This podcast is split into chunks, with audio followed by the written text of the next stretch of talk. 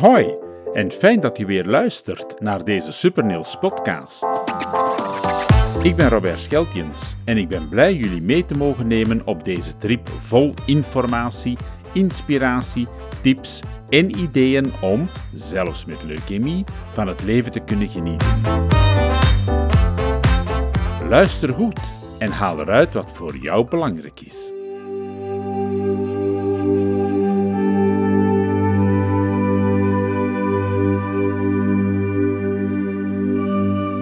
...15 maart 2013, 11 uur s'avonds. Binnen onze familie slaat het nieuws dat we net kregen in als een bom. Onze jongste zoon Niels heeft leukemie. Niels was erg moe, viel regelmatig in slaap, had bloedend tandvlees en geregeld een bloedneus. Daarom was een bloedonderzoek noodzakelijk, maar dit resultaat hadden we nooit verwacht. Bijna vier jaar vocht Niels tegen de ziekte, met ups en downs. Hij ging door een erg zware behandeling, maar hij bleef geloven in een goede afloop. Dit geloof gaf hem kracht om te blijven vechten en telkens opnieuw, tot drie keer toe, de ziekte te overwinnen. Niels stond ondanks alles positief in het leven. Altijd een lach, altijd goed gezind, altijd klaar voor een babbel, een goed gesprek. Luister naar de verhalen en de problemen van anderen, begrip tonen, respectvol kijken naar het doen en laten van anderen. Kortom, een jongen uit de duizend. Deze houding zorgde er ook voor dat hij de harten van veel mensen heeft gestolen en van iedereen dan ook steun kreeg tijdens zijn zwaar parcours. Leukemie heeft hem niet klein gekregen, maar toch heeft hij het niet gehaald. Op 11 oktober 2016 is hij zachtjes ingeslapen, ten gevolge van een gevaarlijke schimmelinfectie, die door het verzwakte immuunstelsel niet kon verslagen worden. Nooit zullen we Niels vergeten. Hij leeft bovendien verder in VZW Supernils, de organisatie die de dromen van Niels maakt. Deze podcast is één van de realisaties om lotgenoten van onze jongen te ondersteunen, te helpen en te informeren. Hopelijk hebben jullie er iets aan. Maar gelukkig loopt het niet altijd slecht af. Er zijn ook zeer mooie verhalen, zoals het verhaal van Pierre.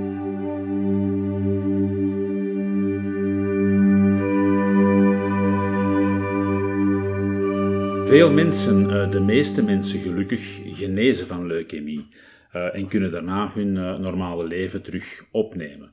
Zo ook Pierre Oitman uit Kalmthout, een schoolmakker en leeftijdgenoot van Niels. ik ben dan ook zeer blij om Pierre te mogen interviewen voor onze podcast Leukemie Super Niels Boost Factory. hier bij het gezellig knetterende houtvuur Pierre, welkom en heel blij dat jij de gast wilt zijn in onze podcast en wat uh, meer wil vertellen over wat jij allemaal hebt meegemaakt uh, in het verleden. Uh, bedankt ook dat je mij hier bij jou thuis in je gezellige huisje en mooie huisje wil ontvangen. Um, dus goed, we kunnen misschien best even beginnen met wat meer over jezelf te vertellen. Hè? Wie ben je, wat doe je, hoe oud ben je ja, enzovoort. Ja, um wel, ja, ook welkom erbij. En denk je wel uh, dat ik hier mijn verhaal mag, mag komen vertellen. Uh, ben ik altijd voorbereid voor, voor mensen met een, om mijn verhaal te vertellen bij, mensen met een gelijkaardige achtergrond. Um, dus zoals ik zei, ik ben Pierre, ik ben uh, 29 jaar, woon te Kalmthout. dit jaar ga ik de 30 aantikken, dus ook een grote mijlpaal. Um, ik werk nu al een, een, jaar of zes in de, in de chemie als projectingenieur. Uh, dus voor het opstellen van nieuwe lijnen, nieuwe, nieuwe chemische fabrieken. Uh, heel interessante job, heel veel, heel veel afwisseling erin, veel verantwoordelijkheid. Dus uh, nee, eigenlijk een, een, job die wel ik, waar ik elke dag uh, graag doe. Mm -hmm. voor de rest probeer ik mijn dagen een beetje te vullen met, met, met sport. Heel veel fietsen, mountainbiken. Hier uiteraard in de kant uit te heiden. En door tussendoor proberen om een beetje het huis te verbouwen en, en hier en daar wat, wat pinten te gaan pakken met, met wat vrienden druk bezig. Dus een, een gewoon, normaal leven zoals elke jongeman van bijna 30. Ja, ja soms, soms iets te druk naar mijn zin. Uh, echt veel vrije tijd of tijd om tv te zien zit er bij mij niet in. Uh, maar dat, dat vind ik eigenlijk fantastisch. Het is, het is die, die continue bezigheid. Mm -hmm. Dat ik leuk vind, maar inderdaad geen, geen enkele afwijking verder. Of, ja, ja, ja. Want uiteindelijk, Pierre, uh, heb jij ooit ook wel leukemie gehad? Uh, kun je daar zo vertellen van hoe oud was jij toen dat je leukemie kreeg? Uh, hoe heb je dat ervaren? Was je heel jong of, of is dat op oudere leeftijd gekomen? Um, en wel toeval wil net dat het uh, binnen dit en drie, vier dagen is het exact 15 jaar geleden dat het bij mij gediagnosticeerd is geweest, dus op mijn 14. Um, dat was natuurlijk een, ja, een rare dag toen we dat merkten. Um, gelukkig waren we er wel heel snel bij met de diagnose. We hebben geschat dat we het eigenlijk, of dat ik het gekregen heb rond de 1 oktober. Um, dat was een weekend dat we nog de motocross gingen zien. Ik voelde me zo ongelooflijk moe die dag. Ik, ik, kwam naar huis, ik was eigenlijk al in de auto aan het slapen, iets wat niet mijn gewoonte was. Um, ik begon een beetje met, met wat spierpijn en, en wat gewrichtenpijn. En eigenlijk heel kort daarna uh, bloed laten nemen.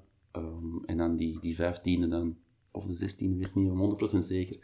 Um, die ruggenmergpunctie laten uitvoeren. En dan, kwam de diagnose. dat, kwam, dat kwam uiteraard heel hard aan. Maar het geluk was er wel dat we er eigenlijk heel, heel dichtbij waren. Dus die twee à drie weken. Ja, Pierre. Um, wat, ik, wat ik nu eigenlijk hoor, is dat de ziekte eigenlijk op een, een twee, drie weken eigenlijk is ontstaan in je lichaam. Klopt dat?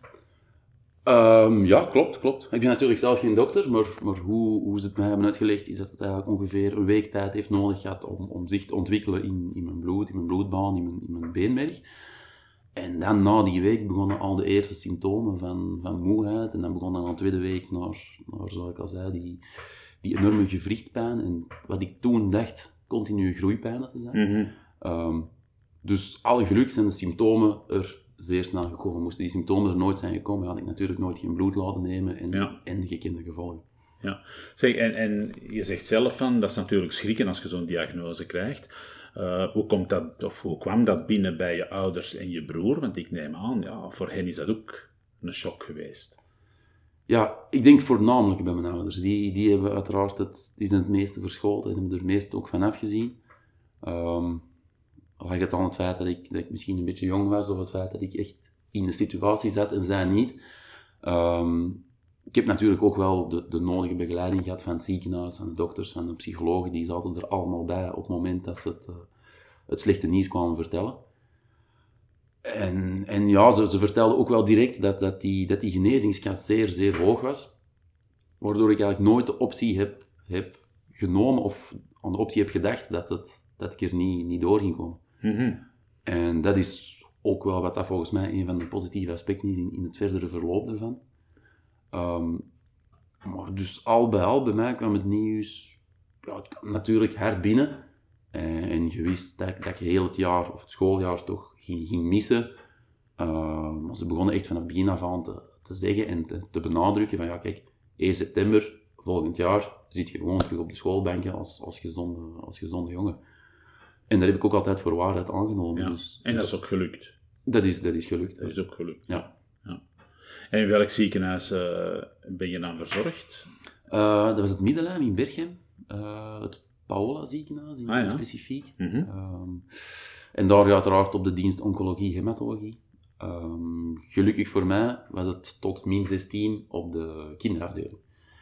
En waarom zeg je gelukkig voor mij? Um, ja, er was natuurlijk, voor een kinderafdeling is er net iets meer, meer begeleiding, zowel voor de ouders toe als, als, als voor, de, voor de patiënten toe. Um, plus het feit dat de ruggenmergpuncties wel onder narcose gebeurde, wat dat bij de ouderen niet onder narcose gebeurde. En die narcose dat ik daarbij kreeg, dat was een, dat herinner ik me ook nog goed, dat was een, een dormicum heette, als ik me niet vergis. Dat waren eigenlijk een beetje mijn eerste ervaringen met, uh, met het dronken zijn. Ah, ja. Dus dat, was, dat was een heel, heel lichte narcose. En ja, daar kreeg ik nog wel redelijk wat, wat waanbeelden van, zeg maar. En ja, ik was 14, dus ik was nog niet dronken geweest. Zo braaf was ik dan weer wel.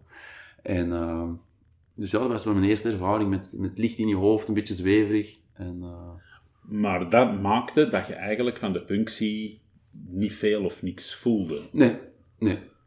Je, herinnerde mij ook niet veel. Het is pas de, de verhaal een paar uur later eh, dat de verpleegsters al lachend naar binnen kwamen. Van, jongen, jongen, wat heb je nu allemaal verteld tijdens uw narcose? Ja, Maar zelf, ja, behalve het, het korte zweverige gedoe, eh, had ik geen pijn, geen last. ja, ja. Dus ehm, Want inderdaad, wij hebben ook de ervaring met, met Niels, ehm, die ook vrij allee, hard was op, op pijnverdragen. mhm. Uh, maar een ruggenmergpunctie zonder verdoving, dat is, dat is geen lachertje. Dat is iets dat eh, toch wel heel gevoelig kan zijn. Ehm, en daarom dacht ik op die hele jonge leeftijd, hè, want Niels bij ons was, was natuurlijk eh, enkele jaren ouder, maar op die jonge leeftijd, hoe, hoe voel je dat dan? Maar dat gebeurt dus inderdaad dan onder een lichte narcose, Ja, waardoor het dan... ja. Dus dat is al wel positief. En, de- en de behandeling verder, want ik hoor u ook zeggen, was heel veel begeleiding, heel veel ondersteuning. Ehm, waaruit bestond die ondersteuning eh, juist? Eh, wie was er allemaal om u verder te helpen? Ja, van alles, van alles eigenlijk. Om, om nu even voor te gaan op het vorige deel, dat ik, dat ik zeg, alle geluk dat het een, een kinderziekenhuis was, is dat ik, ik kreeg sowieso standaard een dubbele kamer, ehm, waar een van mijn ouders altijd in de kamer mee mocht slapen en eigenlijk dag en nacht aanwezig was. Ehm, dus ja, ze, ze wisselden dan natuurlijk op dag, dag, dag op, dag af, was het Ja. mijn vader of mijn, mijn moeder.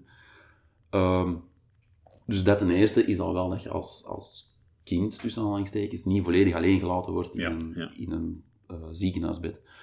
Ehm daar plus uiteraard de komst van, van de klinieklounge.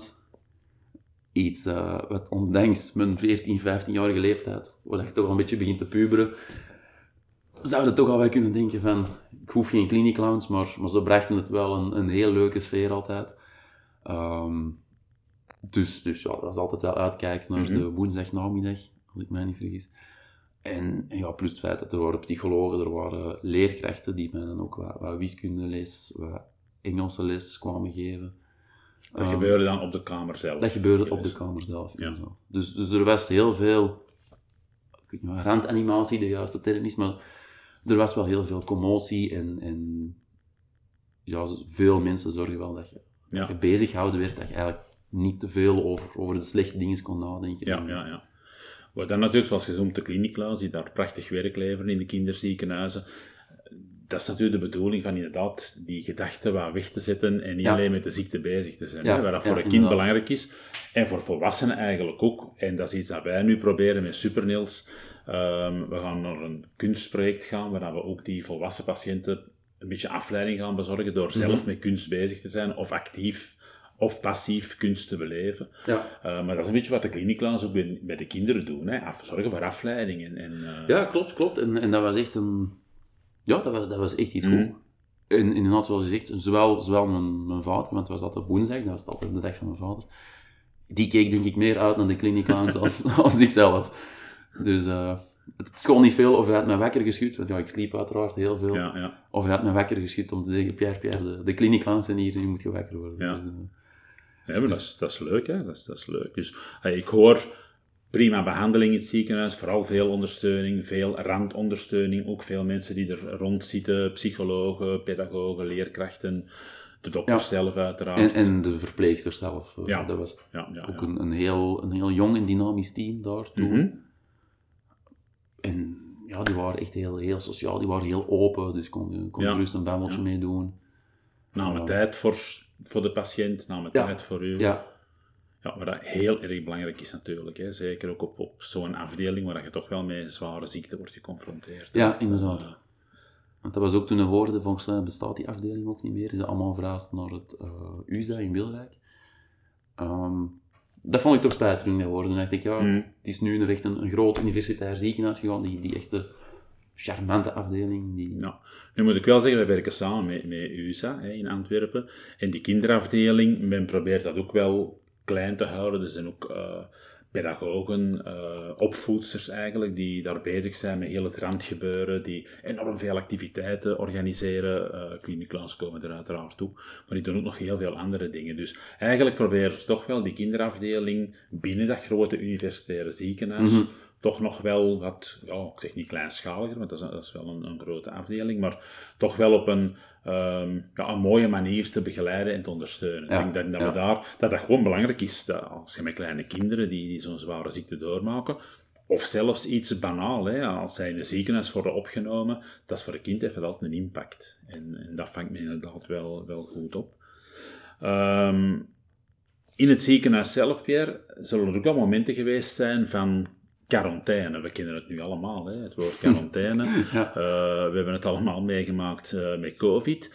Maar leukemiepatiënten maken dat bij u is het al 15 jaar geleden. Ja, ja, ja. dan spraken we ook al van quarantaine. Uh, vertel daar eens iets meer over. Hoe maakte je dat door? Hoe beleefde je dat? Ja, uh, dus dat, is inderdaad goed verwoord. Die quarantaine die maakte we toen al mee. En, en om het ook in hedendaagse termen te gebruiken, de bubbel, die was er toen ook natuurlijk. En, en die bestond uiteraard, uiteraard mijn ouders en mijn broer.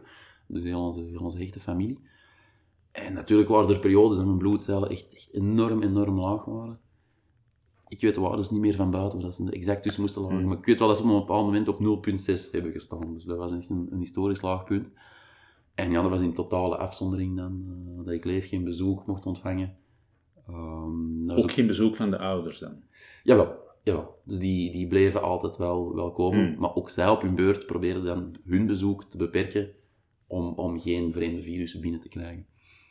Um, voornamelijk die, die eerste maand was dat moeilijk uiteindelijk na mijn diagnose, zoals ik al zei, op 16 oktober, ehm, ben ik een volledige maand uh, binnen moeten zitten. Mhm. Dus ik ben eigenlijk binnengekomen voor routinecontrole, wat ik toen dacht. En pas, pas 15 of 16 november uh, ben ik terug naar huis mogen gaan.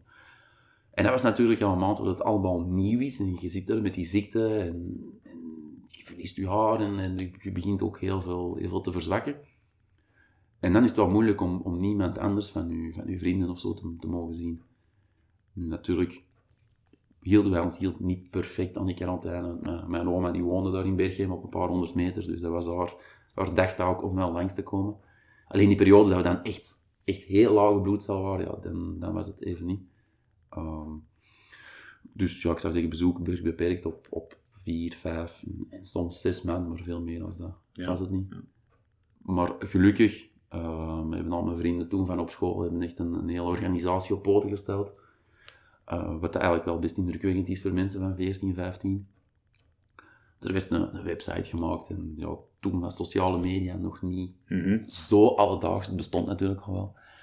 Uh, maar, dus ja, er werd dan een, een speciale website opgesteld met, met, een, met een forum waar dat ze berichten konden achterlaten. En, en er werden, er werden films op een, op een harde schijf gezet, kaartjes, onnoemelijk veel kaartjes werden opgestuurd, uh, van de lelijkste tekeningen toe tot, uh, tot ludieke verhalen. Dus nee, dat heeft heel veel, heel veel steun ik daarvan heb gehad. Dus eigenlijk in zo'n quarantaine, vrienden blijven enorm belangrijk. Maar moeten dan eigenlijk een beetje zoeken naar alternatieven om toch wel dat contact te kunnen blijven behouden. Ja, ja want het is niet dat we het kunnen vergelijken met quarantaine nu, want dan zit iedereen in quarantaine. Daar zet je, klinkt misschien raar, maar het middelpunt van de belangstelling, mhm. om, om het wel anders te verwoorden. En, en dan voelt het niet echt aan als een quarantaine. Je kunt dat de mensen fysiek niet zien, uh, maar je weet wel dat ze er zijn aan, aan de hand van iemand. Ja.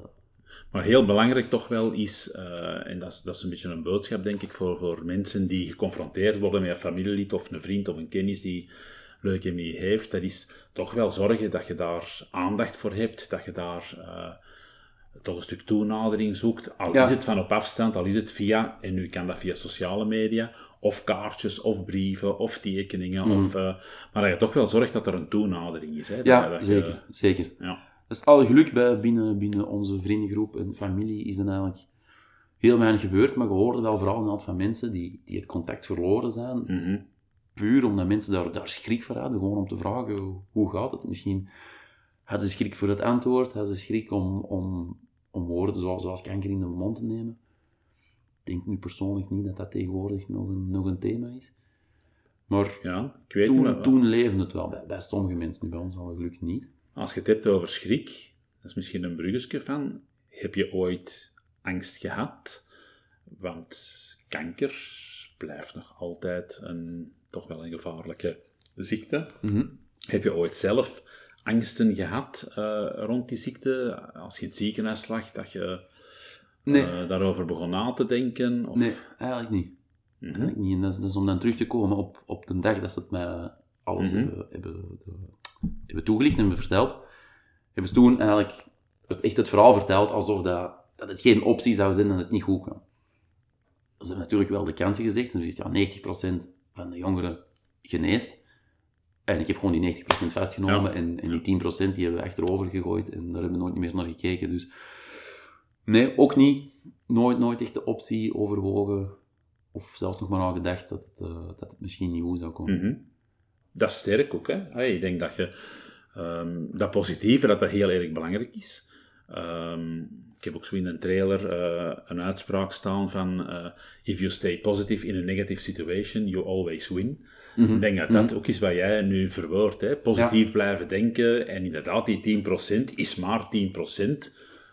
Is nog redelijk veel natuurlijk. Dat zijn er 10 op 100 hè, die, die Ja, dan nog ja. wel kunnen overlijden, eh, waar het niet goed afloopt. Eh, maar je optrekken aan die 90 en, en aan dat positieve en daarmee verder gaan. Ja, hè. ja het, is, het is inderdaad, als je die 90 het vastneemt, dan, dan gaat er misschien 92, 93 van maken. Ja, Dat is- ja.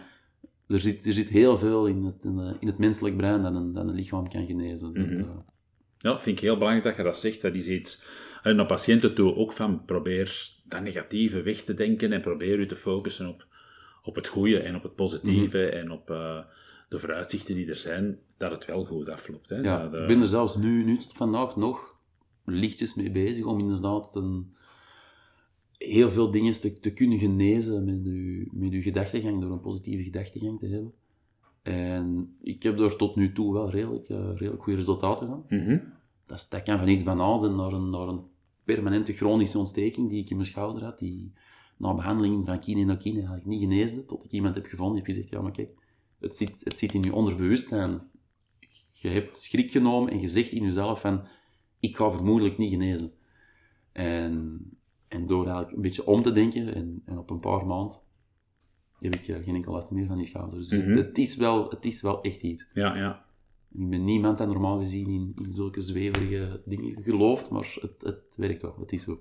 Ja, maar eh, ik ben ook zo iemand hè, die er niet echt in gelooft, in, in die dingen. Maar je merkt wel door ja, positief te denken, ja, dan, dan gaat het ook anders in het leven staan. Hè. Dan, eh, Mhm. Je kunt Mhm. een zwartkijker zijn en ja, dan zit je altijd heel neergeslagen. En dan, ja, dan voel je je slechter dan dat je, dan dat je eigenlijk al bent. Ja, ja. En het is zo dat je dan ja, nog zieker gaat worden hè, en dat het eigenlijk niet goed komt. Hè. Mhm. Ehm, dat vind ik wel een heel belangrijk. Dat is iets dat we zeker gaan meenemen in het verdere verloop van, van de podcast. Ook van, van, dat is iets dat je zeker moet oppakken naar de patiënten toe. Van, houd dat positieve, houd die positieve gedachten Ja, erin. ja. Eh, dat vind ik wel een hele mooie. Ehm, de behandeling eh, van leukemie, ze staan nu ook weer al veel verder, hè, 15 jaar verder, er zijn al heel wat andere mogelijkheden nu dan dat ze toen hadden.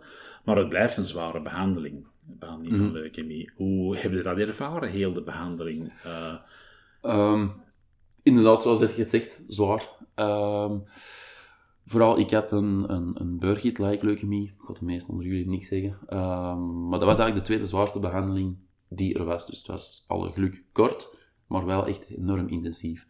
Dus ik heb er, ik heb er wel heel hard van afgezien, ja. Vooral die eerste behandeling, dus in die, in die eerste maand dat ik volledig eh, in het ziekenhuis was, toen ben ik heel veel, heel veel gewicht verloren. mhm.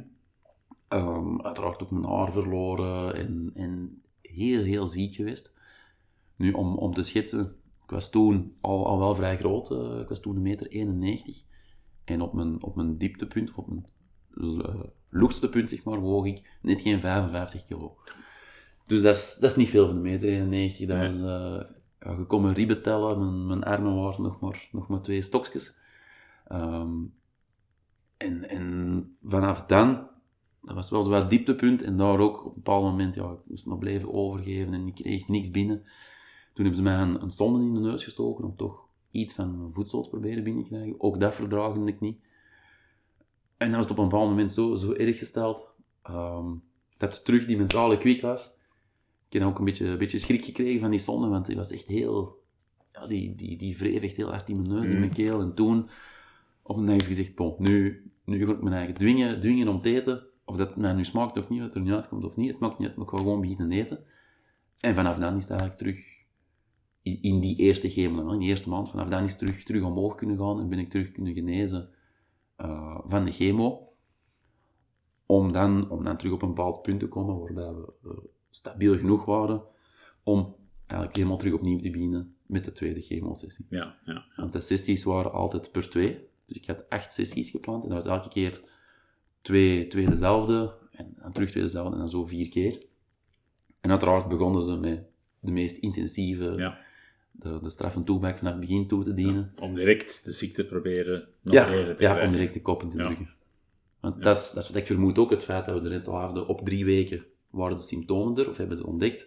Dat is ook de reden, eh, vermoed ik, waarom dat ze zo'n intensieve, Ja, ja, ja, intensieve behandeling hebben gedaan.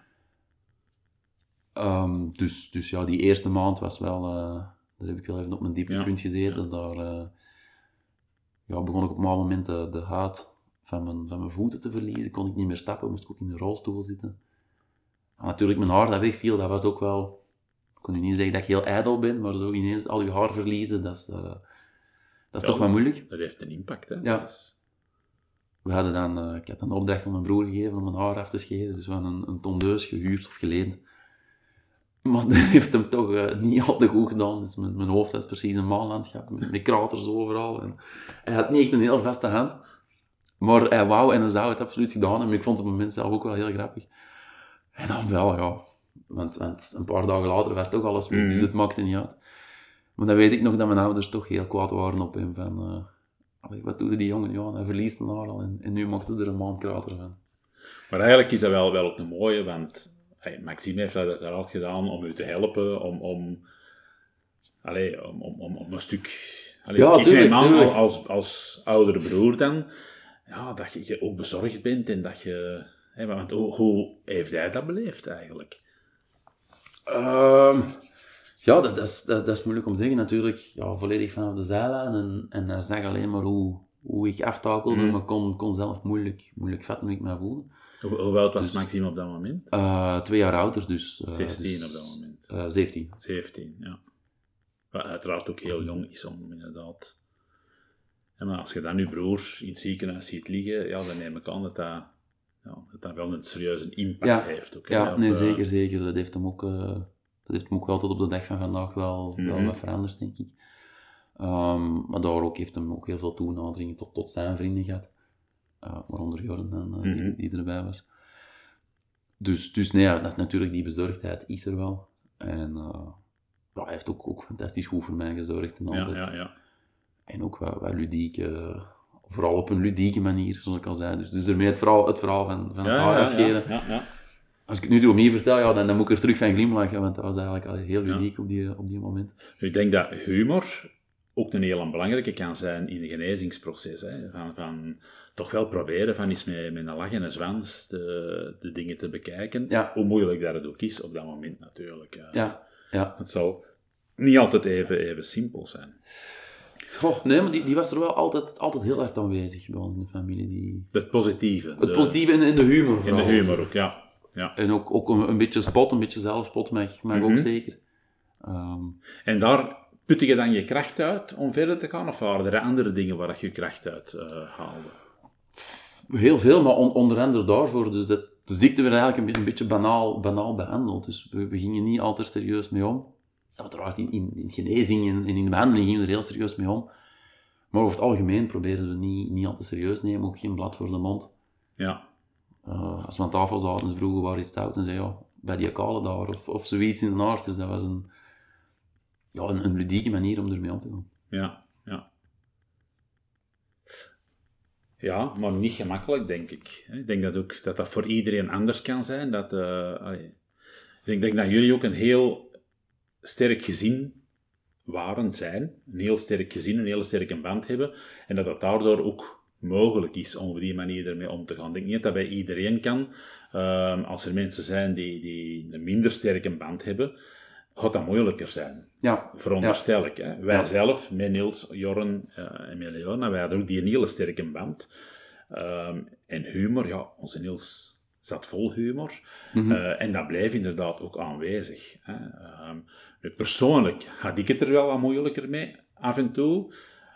Als hij diep zat, of, of als hij het heel moeilijk had eh, in het behandelingsproces, en hij begon met zijn humor, dan kwam dat bij mij soms wel zoiets binnen van... hmm, ja, Is dit wel een gepast moment? ja, want Ja. Als, als vader wilde niet dat je zoon ziek is, wil dat hij genezen is. En ja, bij mij kwam dat dan soms wat moeilijker over. De meer dat ik ook zeg van, dat zal niet voor iedereen hetzelfde zijn, maar als je die een hechte band hebt, dan ga je er gemakkelijker mee om. En, en dan, dan is humor een heel belangrijke, sowieso, eh, Ja. in heel dat proces. Zeg Pierre, en als we het nu eens hebben over het ziekteproces, wat heb je daar het meest in gemist eigenlijk? Waren er dingen dat je zei van, ja, dat mis ik nu echt, en hoe heb je dat dan opgevangen, dat verlies? Eh, ja, allereerst natuurlijk het, het sociaal contact. En, en ondanks dat ik wel redelijk introvert ben, is dat wel iets dat je na een tijd, tijd begint te missen. Ehm, maar dat was alle geluk wel grotendeels opgevangen door mijn familie. Eh, ik had ook één vriend, de Ben, die had er zijn, zijn dagtaak, of maar zeggen zijn jaartaak van gemaakt. Om elke dag naar school met zijn fietsje tot, tot bij mij thuis te komen. Als ik thuis zat te recupereren natuurlijk. Ehm, dus dat werd wel ergens, ergens goed opgevangen. Eh, een groot gemis tijdens die periode is natuurlijk wel om, om, om iets, iets, iets, vettig te eten, om het, om het in, mijn, eh, in mijn dialect te zeggen. Eh, dus ja, we moesten natuurlijk heel hard op ons eten letten. Dus Mhm. ik mocht geen, geen steak, eh, geen rauwe steak eten, geen, niks dat buitenshuis was voorbereid. Om, ja, natuurlijk kon het zijn dat ze dan wel met hetzelfde mes een, een rauw stuk vlees hadden gesneden, of dat er wel bacteriën op zaten. Dus eigenlijk mochten we niks vertrouwen dat, dat buitenshuis was klaargemaakt. Alles moest altijd goed worden, worden doorbakken. Ehm, en dan was een, een, een goede pak friet met een hamburger, dat was toen... eh, daar kon ik echt over dromen. Dus na mijn genezing eh, was dat denk ik het eerste dat we gedaan hebben. Ja. Zijn, we, zijn we naar de Kwik gereden, hebben daar een, een groot menu afgehaald. Hebben we thuis opgegeten, daar bestaan uiteraard de, de nodige foto's van.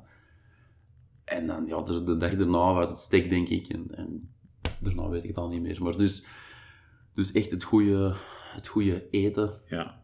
dat, dat ontbrak ik wel. Natuurlijk, dat ziekenhuiseten is oké, maar na een tijd Mhm. vooral op momenten dat je je moet recupereren, moest ik toen eh, anderhalf keer à twee keer mijn normale hoeveelheden eten. Dus ik had toen, ik had onzinnig veel. eh. En, en dan is het spijtig dat je niet echt de dingen kunt eten die, die je echt wilt. Dus Ja. eh, ja. Dus dat is het grote gemis, voeding. eh, want het is inderdaad, je moet kiemvrij eten. Hè? Dus het is inderdaad geen bacteriën, geen dingen. Dus je Mhm. moet echt wel opletten wat je eet. Eh, voor de mama was dat ook niet gemakkelijk, denk ik. want die moest dan speciaal koken. Maakte die apart eten voor u dan voor hen? Of, of was het één gezamenlijke pot voor iedereen? Ehm goh, goeie vraag. Ik kan me niet direct zo herinneren. eigenlijk. Ik, het was gewoon de, de, de gemeenschappelijke pot Ja. voor iedereen. Met, met een paar verschillen na, en dat het allemaal goed, goed doorbakken werd. Maar Ja, ja. natuurlijk voor mij, afhankelijk welke periode ik zat, of dat ik, dat ik wat goed ging of wat slecht ging, probeerde ze dan ofwel iets, iets zachter voedsel te maken, zodat ik niet, Ja. niet te veel moest kauwen. Er was natuurlijk een periode ook dat, dat heel mijn mond helemaal, helemaal open lag. Eh, dus mijn tong, mijn lippen, ik kon eigenlijk praktisch niks verdragen. Dus dat was, het, dat was het lauwe soep, heel de dag. Dus dan moest natuurlijk niet heel de familie lauwe soep mee eten. Maar, Ja. maar anders was het wel allemaal, eh, allemaal hetzelfde. Ja. Maar het is dus voor, ja, als je thuis bent, vraagt het ook nog wel wat ehm, inzet van de familieleden om te zorgen dat dat qua voeding, dat het ook allemaal in orde is. Hè. Dus ook daar moet je erg voorzichtig mee zijn. Hè. Dat- Ja, ja, inderdaad. Maar dat hebben ze altijd eh, heel goed opgenomen. Dus. Wanneer hoorde je uiteindelijk dat je genezen was? Wanneer eh, kwam die boodschap en hoe kwam die over, hoe kwam die binnen bij jou?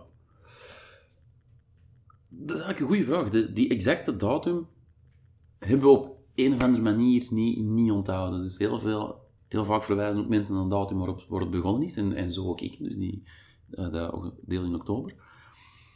Een het probleem is, er was, of toch naar, naar mijn gevoel toe, geen exacte harde datum om te zeggen, nu, vanaf nu zijn we genezen. Uiteraard is die datum er wel gezegd, eh, geweest, dat een dokter na mijn echt chemosessie heeft gezegd, eh uw witte bloedcellen zijn terug op peil, uw rode bloedcel, bloedplaatjes, en we zien geen enkele kankercel niet meer. Eh, we gaan nu enkel nog, nog wat follow-up doen, we gaan niet meer gaan, gaan chemo gaan bijgeven. Ehm, toen was ik thuis, had ik net thuisles van mijn wiskundeleerkracht. Mijn ouders hadden toen de telefoon gehad van de dokters. Dan zijn ze alle twee van het werk uh, recht naar huis gereden met een grote fles champagne. Hebben ze die aan mijn leerkracht gegeven. Dan heb ik gezegd, je moet de les niet meer voortzetten. Uiteraard, nou, nou, nou wel, maar die een dag hebben we de les niet meer voortgezet. Dus nee, dat was, dat was fantastisch nieuws. Ja, ja. Alleen, alleen voor mij, bizar genoeg, kwam het niet zo echt als een, als een opluchting binnen. Omdat ze eigenlijk al vier, drie, vier maanden voor hadden gezegd dat er geen kankercellen meer aanwezig waren. Ja, ja. Dus na, na mijn, mijn vier eerste chemosessies, dus zoals ik al zei, twee keer twee, waren alle, kankers, pardon, waren alle kankercellen eigenlijk al verdwenen. Dus ze hebben gezegd, ja, bon, we hebben nu die, die acht sessies gepland, en dat is ook de, de sessies die we nodig hebben Ja. voor, voor dat type leukemie. Dus we gaan die ook alle, zet- alle acht blijven inplannen. Maar natuurlijk ook, eh, de chemo's werden ook alsmaar minder zwaar. Ze Ja. gingen per twee. Dus de eerste twee waren enorm zwaar. De, de, de volgende twee waren ook nog vrij zwaar, met nog nog wat last van, van mijn voeten, mijn ogen. En vanaf dan werd het eigenlijk alsmaar zachter en zachter. Moest ik zelfs niet meer, niet meer binnenkomen, moest ik gewoon maar een nachtje binnenkomen, mocht ik 's ochtends terug naar huis. Dus ik merkte nou wel dat mijn lichaam heel snel aan het genezen was. ja, dat dat sterker werd en beter tegen die Ja, chemo ja dus ze hadden dan gezegd, ja, bon, er zijn geen kankercel niet meer te zien, de chemo's werden lichter, ik begon, ik begon aanzienlijk terug, terug bij te komen, Mhm. terug, mijn haar begon ook stilletjes aan terug te groeien. Dus eigenlijk had ik in mijn hoofd al gezegd, de ziekte is, is achter de rug, en wat dat we nu doen, is, is gewoon follow-up. Ja. Terwijl het eigenlijk wel nog chemo's waren. Ja, En dat was, dat was heel vroeg. Ik- denk dat dat zelfs maart, april was, of misschien zelfs nog vroeger. Dat, dat is dus dat eerste nieuws aan gegeven. Dus toen in mijn hoofd was de ziekte al voorbij en, Ja. en was de genezing begonnen. En ja, natuurlijk, als dat nieuws officieel komt, ehm, kwam het voor mij niet als, als een enorme schok. Misschien onterecht, maar ik, ik, was, al, ik was al verder. Ik ja, was ja, al, ja. eh, Uw gedachten waren al verder in heel dat mijn gedachten zaten al op, en- op 1 september. Ja, Ja. Niet dat ik zo graag ja. naar school ging of zo, maar toch om, Ja, ja, om terug, terug vanaf nul te Ja, beginnen. ja. Met, een, met een schone lijn. Ja. Ben je, als het over school gaat, ben je die een volledig jaar verloren? Of, of, of heb je dat op een of andere manier, via bednet of wat dan ook, heb je dat kunnen eh, blijven volgen? Of, of ben je echt dat jaar verloren geweest en heb je dat terug moeten herdoen? Ehm, op, op twee vakken na ben ik wel een heel jaar verloren. ah ja. Dus we hebben dan wel gevraagd of ik op het einde van het jaar twee examens mocht meedoen. Mhm. Dat was wiskunde en aardrijkskunde, denk ik. Ook om te zorgen dat ik, dat ik wel met mijn hoofd wat bezig bleef. Dus die twee examens heb ik aan het eind van het jaar meegedaan, daar was ik voor geslaagd. Daar heb ik wel nog altijd alle lessen voor moeten doen, maar het examen zelf heb ik toen Ja. niet gevolgd. Ja. Ehm, maar dus ja, het, het volledige jaar heb ik wel volledig opnieuw moeten doen. Dat was toen het vierde middelbaar. En dat was misschien ook wel wat dat, wat dat mij toen het, het meeste aandeed. Niet het feit dat ik dat jaar opnieuw moest doen, maar dat ik al mijn vrienden kwijt waren. Want er waren ook die vrienden die bij het begin van de ziekte af aan erbij waren, die mij zo enorm gesteund hebben. Een vriendengroep die, die we nu eigenlijk nog, nog altijd wekelijks zien. Dat is een, een vriendengroep van denk ik, een 25-tal mensen. Praktisch allemaal van het, vanuit die klas.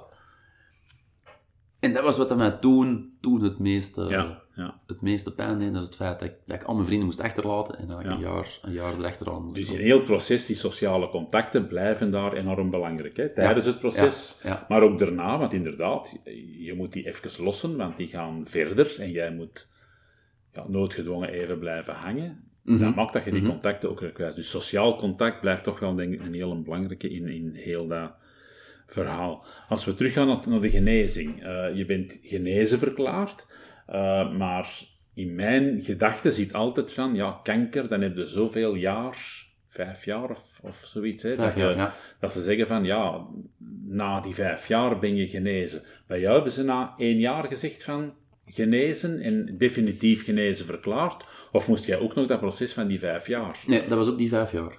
Ah ja. En hoe pakte dat als jonge kerel op? Want je bent genezen, maar ja, die vijf jaar daarna moeten nog op controle en, en hadden daar angsten bij? Of, of hoe, heb je, hoe zijn er daarmee omgegaan? Nee, nee, eigenlijk volledig niet. Eigenlijk net zoals dat ik zei, dat, dat die 90% kans dat het altijd naar een 100% kans is gegaan, is, is die periode dus nou ook zo geweest. Ik denk, ja, die vijf jaar, het kan goed zijn dat ze dat zo moeten zeggen, puur, puur statistisch gezien of, of vanwege de, de administratie, zeg maar. Maar vanaf dat ze echt hebben gezegd, bon, vanaf nu is je genezen, heb ik in mezelf gedacht, de kans dat ik nu ziek val, is er, maar is even groot als, als, als iedereen eh, dat ik tegenkom.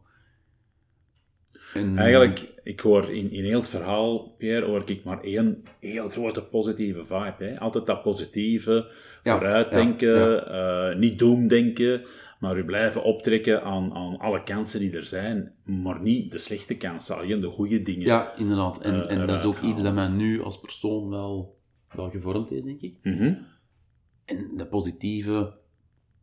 Ten eerste, als, ik nu terug aan die periode denk, je merkt ook wel aan, hoe ik erover praat, ik, ik zie er eigenlijk niks negatiefs in. Nee, merk dat, ja. Op, eh, ja, op het feit dat ik dat jaar ben kwijtgeraakt, maar, maar nu ondertussen, ik ben 29, dat, dat merk je niet meer, dat je een jaar achter staat. Of, of allee, achter staat is dat zelfs niet, want dat haalt je wel. Mhm. Dan haal je in na, na een tijd, ga je allemaal de universiteit, dan blijft er eens ene zitten en je komt allemaal toch terug, terug op hetzelfde Ehm, dus, dus wat ik meteen van zei, dus dat, ik er heel positief terug over, over terugblik.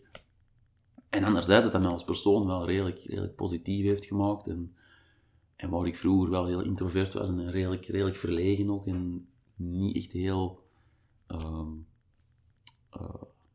ondernemend, zeg maar Mhm. Heeft dat mij nu wel, wel eh, heel veel wind eigenlijk waar, waar ik zeg, ja, bon, we, gaan, we gaan ervoor gaan, want, want het, het leven is te kort, het zou zomaar even kunnen aflopen. Dus, dus we gaan het doen en we gaan gewoon... eh, Dus het heeft veel sterker gemaakt en het heeft je sterker in het leven gezet ook. ja, ja, Ehm, ook gevormd naar, naar je, je job toe, naar je ondernemerschap, wat, je ook noemt. eh, hè, want je, je zegt, je bent ingenieur. Ja, klopt. Ja. Eh, dat is ook niet van het minste. Dus eh Mhm. er moet ook wel iets allee, ondernemend voor zijn, denk ik ook. eh, om Ja, inderdaad, de, koe bij de horens nemen Voilà. en het Dus- leven, of, of het leven bij de horens Mhm. nemen, zeg maar. En, en als de kansen zich voordoen, moeten die gewoon grijpen en niet altijd wachten tot er kansen komen, Ja. maar gewoon de, kansen zelf maken of creëren. Ja. En dat denk ik niet dat dat zo per se in, in mijn karakter zat voor die ziekte. En, en heel die ervaring heeft dat er wel zeker in gebracht. Ja, ja. Moet je nu nog op controle om de zoveel tijd, of, of is dat niet meer? Om het jaar, om het jaar ga ik nog altijd wel op controle. Nog steeds. Ja. Gewoon bloed laten nemen. Hè. Geen, geen Ah, zo, ja. of zo. Gewoon een, een standaard controle. Ook al van het ziekenhuis af wordt dat niet gevraagd of dergelijke, maar dat is meer een, een standaard routinecontrole Ja. om het jaar. Ja. En eh, dat kan ook of niet per se leukemie zijn, we kunnen ook altijd andere dingen ja, ja, mee, mee ontdekken. Het is maar- bloedonderzoek is altijd positief om te laten doen. Hè. Ja. ja, dat- Ja. Alleen als ik mij soms nu, als, als de winterperiode er zo aankomt en ik begin mij zo wat moe te voelen en, en wat weemoedig, dan meestal rond november, december ga ik altijd eens bloed laten pakken. En, en dat is meestal altijd hetzelfde van, ja, gebrek aan vitamine D, de korte dagen. ja, ja, natuurlijk. Hetgeen dat iedereen Hetgeen dat iedereen heeft, ja. Ja, ja. Zeg Pierre, en welke ambities heb je nog zo? Eh, als we denken, waar- denk je te staan over vijf jaar bijvoorbeeld? Heb je daar bepaalde ambities voor in, in, het leven? Dat je zegt van, dat wil ik echt nog bereiken? Ehm, goh, ja, op, op, werkvlak, op werkvlak zeker, maar daar ga ik nu misschien niet, niet te veel op toe. Hè. Dat, is, dat is misschien niet altijd even interessant. Ehm, maar ja, zeker. Ik heb, ik heb wel redelijk veel ambities om, om ook bijvoorbeeld op sportvlak ergens... eh, dus ik ben al redelijk veel bezig met, met mountainbikes, zoals ik al Mhm. zei. Ik heb ook van het jaar in, in de voorbije drie jaar al enkele wedstrijden meegereden. Eh, met altijd een, een redelijk goed resultaat, vind ik zelf. En de bedoeling is om ooit echt een, echt een, een, een, een race te doen waar, waar die de meeste mensen gedaan hebben, zeg maar. Dus ik heb al wedstrijden gedaan van 100 kilometer of, of, of dergelijke. Maar ik zou heel graag eens een, een meerdaagse wedstrijd doen, door, doorheen de Alpen of, of doorheen, eh, doorheen Zuid-Afrika is er zo'n wedstrijd die mij heel erg interesseert, doorheen Zwitserland. Tot nu toe ben ik er nooit niet aan geraakt, financieel ten eerste, en, en ook omdat ik denk dat ik daar niet, nog niet genoeg voor ben. Ehm, maar dat zit er zeker ooit eens aan te komen. Of iets van een rally of zo, van met motorsport, motorrijden interesseert mij ook ja. enorm hard. Daar ben ik iets minder mee bezig, maar dat hoop ik wel. Dat staat wel op mijn bucketlist. En dat weet ik vrij zeker. En, waarschijnlijk met mijn broer, moest hem het luisteren. Maxime, we gaan het ooit eens doen. Ja, vind ik heel mooi dat je dat zegt. En, en ehm, wat ik hier vooral hoor, dat is ehm, ja, die kracht, die energie eh, die erin zit. Hè? Want de sporten die je noemt, mountainbiken, langere afstand, eh rallyrijden, dat zijn nu niet de, de sporten waar je allez, in een zetel zit en uh, een partijtje schaak. Hè, Nee, dat, is, dat is denksport. Nee. dit zijn echt fysieke sporten. Ehm, dus we kunnen hier ook wel zien, ondanks die leukemie die je hebt doorgemaakt op jonge leeftijd, sta jij nu krachtig in het leven, je bent ondernemend, je, Ja, je bent ja. heel positief. En uiteindelijk qua fysiek ook heel goed in orde, want anders zouden die sporten ook niet kunnen aanpakken, zouden dat ook niet kunnen doen. Hè. Dus ik denk dat dit heel mooi is om eh, dit eh, interview af te ronden. Eh, ik denk dat we ook heel mooi binnen onze tijd zitten. Hè. We hadden zo een drie kwartiertjes gerekend en daar zitten we nu ook. Ik vond Dat ik alleen nog heel even wil zeggen, Robert, Ja, ja, om nog even terug over Ja. fietsen te komen, aan iets waar ik nu pas aan denk, is, is vermoedelijk, ik heb sowieso altijd wel gefietst, ook voor de ziekte, Uh, maar de reden dat ik het fietsen en het mountainbike voornamelijk terug heb opgepakt, is, uh, is dankzij Make-A-Wish heb ik toen een, een mountainbike gekregen.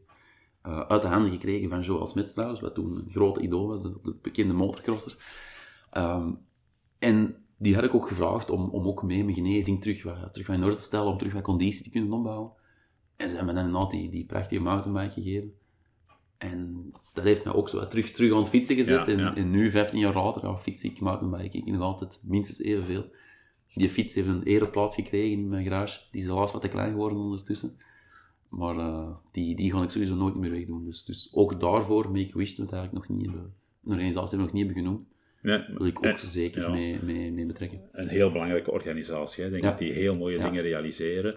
Ehm, wat je nu noemt, eh, dankzij hen kan jij ook andere dingen gaan doen en kon je ook inzetten op, op die sport. En, Mhm. eh, ik denk dat dat een heel mooi ehm, einde is van, van het interview. Ik vond het heel fijn om, om naar uw verhaal te kunnen en mogen luisteren. Ik toestaan. Ehm, ik ben ervan overtuigd dat luisteraars en lotgenoten ehm, dit ook gaat, eh, gaat aanspreken. Dat mensen daar de nodige kracht en energie gaan uithalen. Het is een heel positief verhaal. Eh, ik heb eigenlijk weinig negatieve dingen gehoord, ondanks dat leukemie een zware ziekte is met een zware behandeling. Heb jij daar echt wel de, ja, de krachtige dingen uitgehaald en ben je daar een, een heel krachtig en, eh, en fijn persoon eh, uit geworden. Ehm, dus is er iets dat jij nog wil zeggen in dit interview, dat je nog aan de luisteraars wilt meegeven? Ehm, Ehm, ja, natuurlijk. Ik moet zeggen, inderdaad, eh, het is, het is heel mooi wat je net zegt, maar ik was er natuurlijk niet alleen voor. Dus dat, dat moet ik ook zeker, zeker voldoende benadrukken. Is, is mijn familie, mijn vrienden en, en ook heel de, de verpleegsters, heel de organisatie er rond algemeen, die, die hebben zeker, zeker een steentje bijgedragen. ja, heel fijn dat je dat zegt, hè, Pierre. Dat is inderdaad, familie is belangrijk. De mensen die er rond zitten in het ziekenhuis, eh, iedereen die eraan meewerkt. Nog eens een heel, heel dikke merci. Ehm, ik zou zeggen, geniet met volle teugen van uw mooie huisje, uw gezellige huisje, van Dank uw wel. mooie leven, van uw sport, van uw vrienden, van uw gezin, uw familie. Dikke merci voor dit interview. Dank je wel, Pierre. Dank u wel eh, dat ik het mocht vertellen. Boost Your Life. In dit onderdeel van de podcast, beste luisteraars, een onderdeel dat elke aflevering opnieuw zal terugkomen, krijgen jullie praktische tips om het leven nog beter aan te pakken. Tips, ideeën die we halen uit de aflevering die we zo net konden beluisteren. Ik hoop dat het verhaal van Pierre jullie de nodige inspiratie heeft gegeven om ondanks je ziekte toch krachtig in het leven te blijven staan. Ik heb tijdens het interview een aantal zaken genoteerd en enkele van die dingen wil ik heel graag met je meegeven. 1. Sta positief in het leven. Blijf niet hangen in negativisme. 2. Blijf contact houden met vrienden en familieleden. Je staat er immers niet alleen voor. 3. Volg de richtlijnen op van de dokters en de verpleegkundigen. 4. Zit je met vragen? Heb je angst? Zie je het even niet meer zitten? Stel dan vragen aan de dokters en de verpleegkundigen. 5. Humor is en blijft enorm belangrijk, ook tijdens dit zware proces. Humor geeft immers kracht om er verder tegenaan te gaan. En tenslotte 6. Een zeer belangrijke tip voor familieleden en vrienden. Laat de patiënt nooit alleen. Zorg ervoor dat je er altijd voor hem of haar bent. Ik hoop in elk geval dat je iets hebt aan deze tips. Tips uit het mooie verhaal van Pierre Oitman uit Kalmthout. Make our day. VZW Supernils wil van deze podcast een groot succes maken. En we willen jullie daar heel graag bij betrekken. Heb je ideeën voor bepaalde onderwerpen of thema's die aan bod kunnen komen? Of ken je mensen die een interessant verhaal kunnen vertellen? Word dan snel lid van onze online community of Facebookgroep, de Supernils Boost Factory, en laat het ons weten. Samen kunnen we deze podcast nog beter maken. We zijn ook op zoek naar recepten om kiemvrij te koken. Ben jij een chef in de keuken en kook je regelmatig kiemvrij voor je zieke familielid? Wil je jouw recept met ingrediënten met ons delen? Stuur het dan door via info@supernils.be. We verrijken er onze podcast mee, maar we nemen het zeker ook op in ons Supernils kookboek, vol kiemvrije recepten. Alvast een dikke dankjewel.